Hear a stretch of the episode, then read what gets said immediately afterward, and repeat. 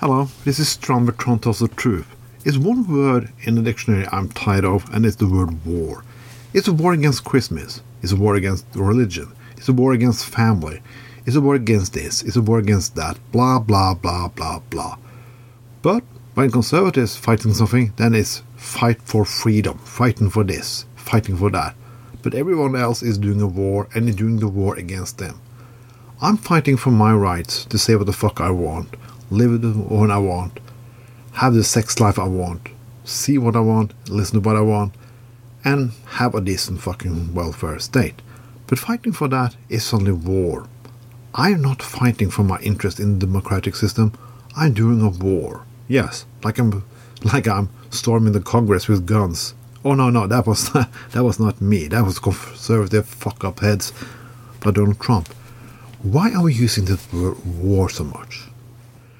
Wanda Sykes says one thing about the word war. No, she didn't didn't really say use the word war, but she talked about homosexual marriages. It's a choice. If you don't want to live with somebody of own sex, you don't have to do that. It's a choice, but it's not a choice for conservatives. For them, it's a war, a war against some imaginary bullshit, because it doesn't really affect them. Most things that I want in my life don't really affect their right to choose anything. If they want to stay, well, Christian and live by the word of whatever fucked up, made up Middle Eastern God, they can do so. They can pray seven days a week. They can give all their money to fucking fraud like Joel Osteen or one evangelical fuckhead. They can. They don't have to, but they can. And I'm not taking away their rights to do so. I just say how hypocrite those assholes really are. But they are allowed, and I should not be allowed. When they talk about freedom of expression, they really just mean their expression, because my freedom of expression is just war. If people want to celebrate Christmas, they can do so. If I want to call Christmas something differently, as I usually do since I use the word Yule, which is a Nordic word for it. I'm doing a war.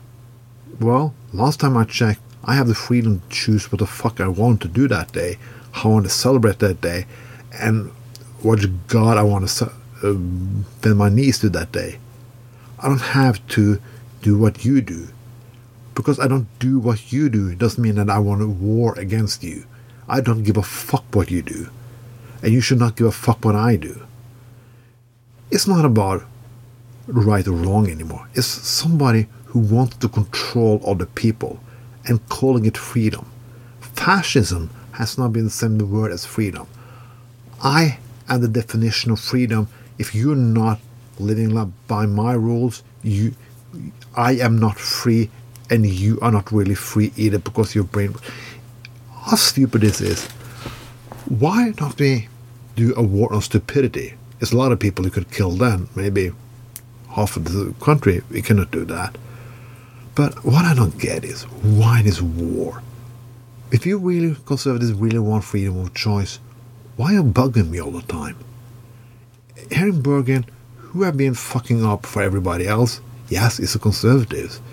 Who want to take away gay rights and so on? Conservatives who want to ban things, stop things, censor things, conservative. They call it family values, freedom for the family, freedom for this, freedom for that.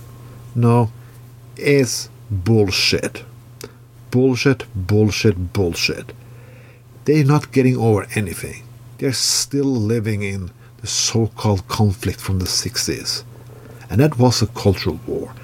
We maybe should have a new culture war and then we're gonna fucking burn you all.